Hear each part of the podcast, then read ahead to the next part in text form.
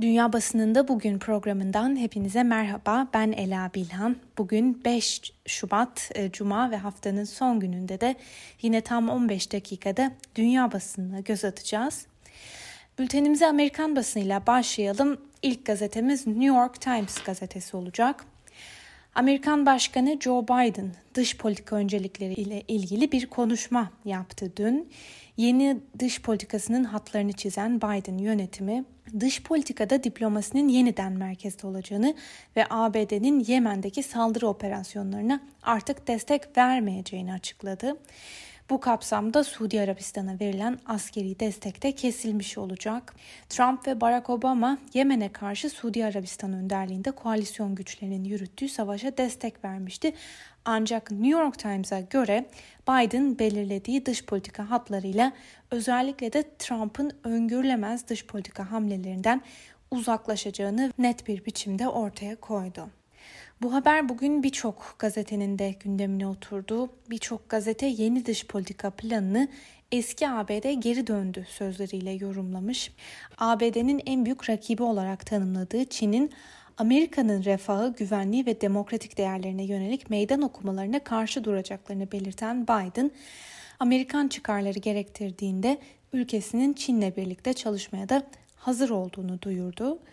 Öte yandan mülteciler konusunda gündemine alan Biden, ABD'ye alınacak mülteci kabul üst sınırını arttırma niyetinde olduğunu belirtti ve yılda 125 bin mültecinin alınması için taahhütte bulundu. Washington Post'un gündemdeki haberle devam edelim. Dün Amerikan basına göz atarken Cumhuriyetçi Parti içindeki derin bir çatlaktan bahsetmiştik. Demiştik ki aşırı sağcı görüşleriyle, dile getirdiği komplo teorileriyle bir süredir tartışmalar yaratan Cumhuriyetçi Taylor Greene konusunda azınlık lideri Kevin McCarthy herhangi bir eylemde bulunmayı reddetti.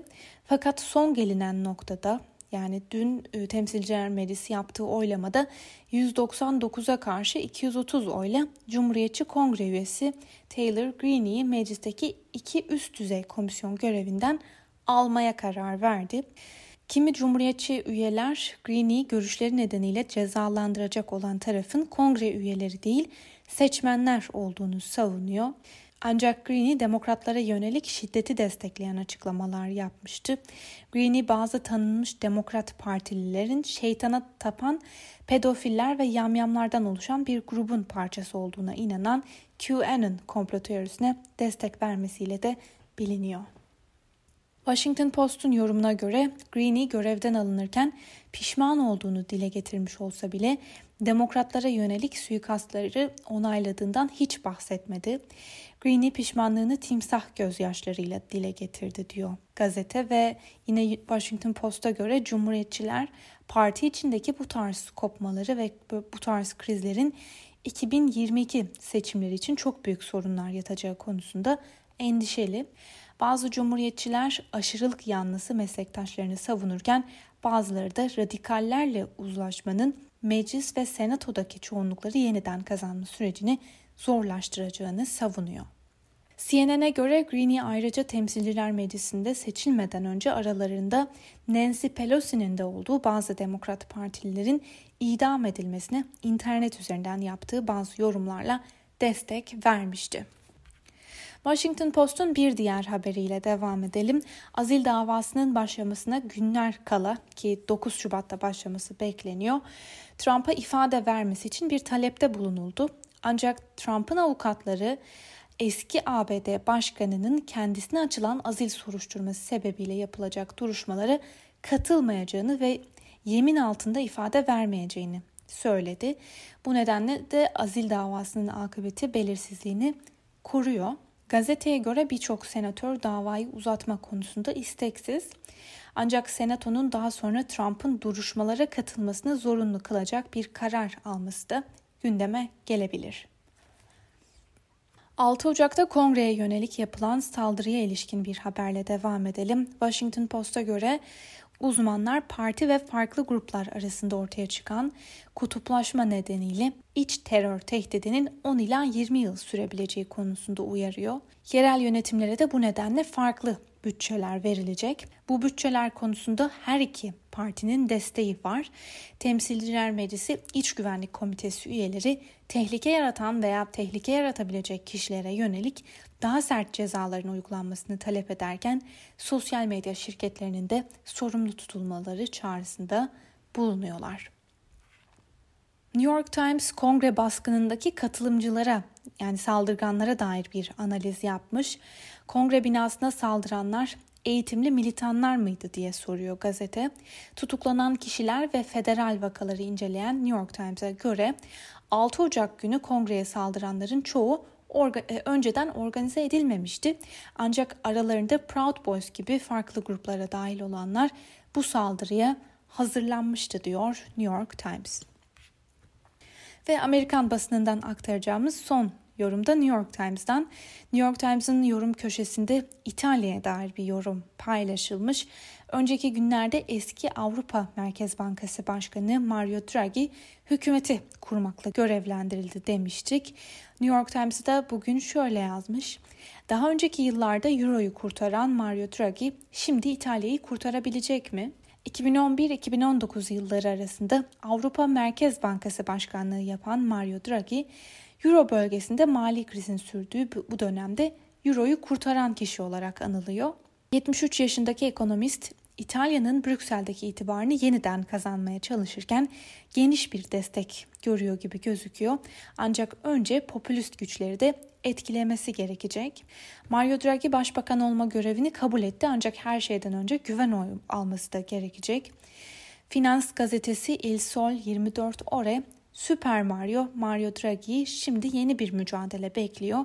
Avrupa'yı kurtaran İtalyan şimdi de prestiji sayesinde parlamentoda somut bir çoğunluk elde etmeyi başarmaya çalışacak diye yazmış. Amerikan Wall Street Journal gazetesi de Mario Draghi Euro'yu kurtardı ama İtalya'yı siyasi karmaşasından kurtarabilecek mi sorusunu soruyor. BBC'nin değerlendirmesine göre de Draghi başbakanlık koltuğuna oturursa İtalya'yı 2. Dünya Savaşı'ndan bu yana girdiği en ağır ekonomik durgunluktan kurtarmaya çalışacak. BBC'ye değinmişken bültenimize İngiliz basınıyla devam edelim. İngiltere'de yayınlanan gazetelere göz atacağız. İlk gazetemiz Times gazetesi. Manşette bugün şu sözler dikkatimizi çekiyor. Dışarıda sosyalleşmeye ve spor yapmaya geri dönüş. Times'ın haberine göre okulların 8 Mart itibariyle yeniden açılması bekleniyor ve bu süreçte hafifletilecek bazı önlemler kapsamında açık havada spor yapmak ve sınırlı da olsa sosyalleşmek gibi bazı durumlara izin verilecek. Hükümet açık hava pazarlarında ve açık hava restoranlarına özel bir izin vermeyi de değerlendirecek. Bu habere karşılık Guardian'ın manşetinde ise eski Sağlık Bakanı Jeremy Hunt'ın sözleri var. Hunt uyarıyor. Vaka sayıları günlük binin altına düşmediği sürece önlemleri hafifletmeyin. 2020 yılında yapılan hatalar tekrarlanmamalı. Vaka sayıları kontrol edilebilir düzeye inmediği sürece kısıtlamalar kalkmamalı diyor eski Sağlık Bakanı Jeremy Hunt. Daily Telegraph'ın ilk sayfasına da kısaca göz atalım. Bakanlar 15 Şubat'ta başlayacak olan yeni karantina sistemine hazırlanıyor. Önceki hafta aktardığımız önemli bir haber vardı. İngiltere yeni bir uygulamaya geçecek ve böylece ülkeye gelen herkes 10 gün boyunca bir otel odasında karantinada kalacak. 15 Şubat'ta yürürlüğe girmesi planlanan bu önlemin kişi başı maliyetinin 800 pound olduğunu yazmış gazete tahminen 28 binden fazla otel odasına ihtiyaç duyulacak ilk aşamada.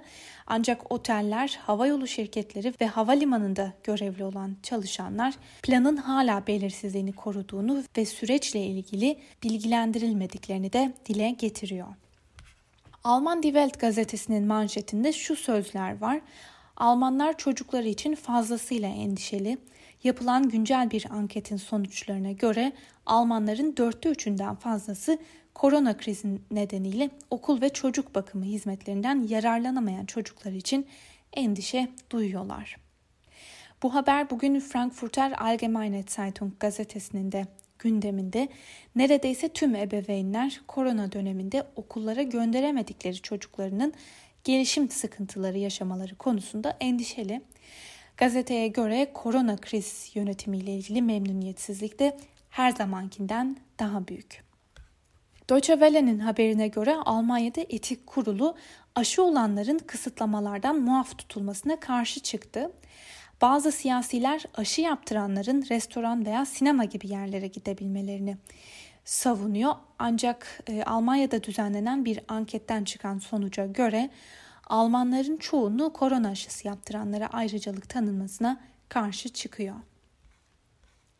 Die Welt gazetesinin bir diğer gündemi de dış politikasının ana hatlarını açıklayan yeni ABD Başkanı Joe Biden, Biden'ın Almanya dahil olmak üzere eski ittifakları canlandırmak istediğini açıkça ortaya koydu. Ancak bir noktada Donald Trump'ın politikalarını bozuyor gibi de görünmüyor diyor Die Welt gazetesi. Öte yandan Trump'ın Almanya'dan asker çekme sürecinin askıya alındığı da açıklandı. Bu haber bugün Fransız Le Monde gazetesinde önemli gündemlerinden biri. Joe Biden ittifaklar ve değerler temelinde yeni bir diplomasiyle yeniden bağlantı kurmak istiyor diye yazmış Le Monde. Ve gazetenin bir diğer gündemi de haftalardır süren ve Avrupa Birliği'ni çok çok zor durumda bırakan aşı krizi.